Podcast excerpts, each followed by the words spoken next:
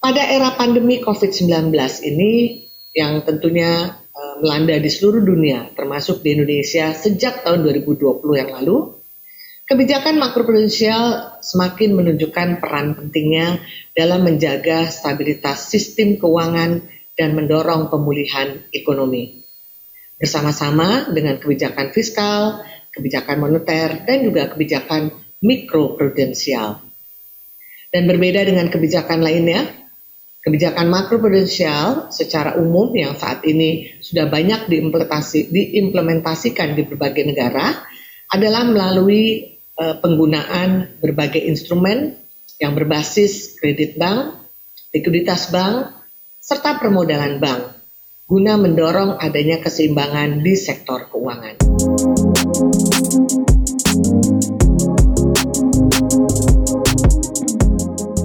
Hai, perkenalkan saya Emo. Welcome to Weekly Wrap Makro Prudensial, sebuah kanal yang akan merangkum berita dan isu kebijakan keuangan untuk kamu.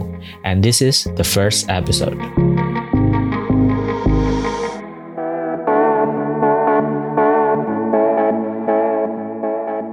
Pandemi COVID-19 saat ini memperdalam jurang antara kelompok menengah bawah dan atas di Indonesia yang sebelumnya sudah sangat lebar. Saat pekerja menengah atas masih bisa bekerja dari rumah, sebagian pekerja dari kelompok rentan harus kehilangan penghasilan akibat kondisi ekonomi yang memburuk. Bagi negara yang berpenghasilan menengah seperti Indonesia, bagabluk ini jelas membuat kondisi industri tertekan. Selain itu, pandemi COVID-19 bisa mendorong kepanikan publik terhadap sistem perbankan atau yang dikenal dengan istilah bank panic. Dalam situasi tersebut, masyarakat secara bersamaan menarik dananya dari bank. Tentu saja ini bisa menjadi permasalahan bagi perbankan karena menghasilkan permasalahan di sektor real atau dunia usaha. Kita ambil contoh soal kredit perbankan yang akan anjlok sulitnya menyalurkan kredit atau memperolehnya. Siapa yang harus khawatir dengan kondisi ini?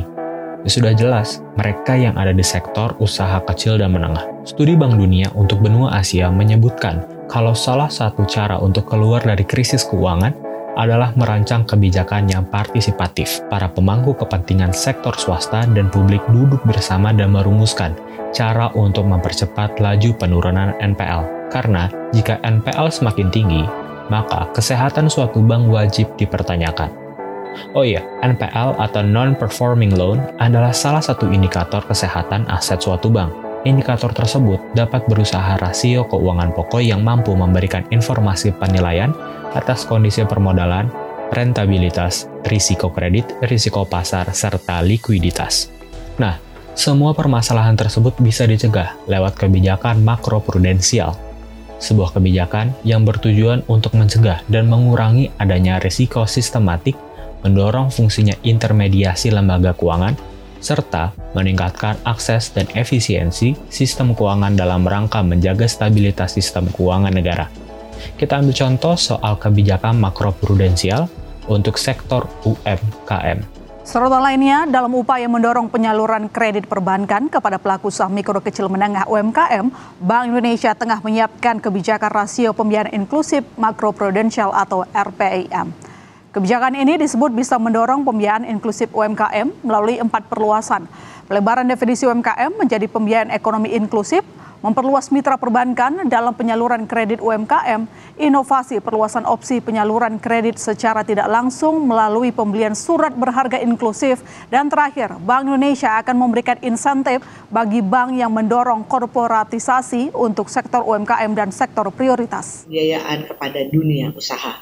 Dan saat ini, Bank Indonesia akan segera meluncurkan kebijakan rasio pembiayaan inklusif makroprudensial atau RPIM dalam rangka mendorong kredit perbankan kepada sektor pembiayaan inklusif dan UMKM. Selama tahun 2020, sektor UMKM mengalami badai tak berkesudahan. Survei Kementerian Koperasi dan UKM mencatat sebanyak 23,1 persen permasalahan UMKM berupa penurunan penjualan, permintaan, dan pelanggan.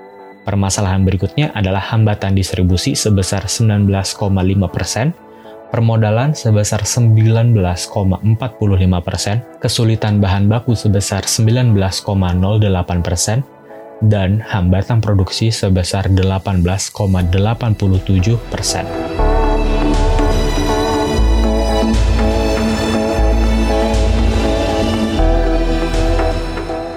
Stali tiga uang, analisis hasil survei dampak COVID-19 terhadap pelaku usaha oleh Badan Pusat Statistik menyebutkan sebesar 84,2 persen usaha mikro kecil dan 82,29 usaha menengah besar mengalami penurunan pendapatan. Stimulus dari Bank Indonesia tentang pembiayaan inklusif dan usaha mikro, kecil, dan menengah jelas membawa angin segar. Lewat kebijakan ini, para pelaku UMKM diharapkan bisa kembali mendapatkan permodalan yang cukup untuk menjalankan bisnisnya. Sebagai catatan, sektor UMKM berkontribusi sebesar 60,3 persen dari total produk domestik bruto Indonesia. UMKM menyerap 97 persen dari total tenaga kerja dan 99 persen dari total lapangan kerja. Artinya, jika sektor UMKM dapat kembali pulih, perekonomian Indonesia bisa bangkit kembali. Oh iya, sektor UMKM juga dapat mendorong kenaikan konsumsi rumah tangga. Saya ingat betul pepatah lama yang bilang tingkat bunga yang relatif rendah juga membantu untuk mendorong konsumsi karena insentif untuk menabung menjadi relatif kecil. Mengutip kata-kata Hairil Anwar, bangkit itu tidak ada. Tidak ada kata menyerah, tidak ada kata putus asa.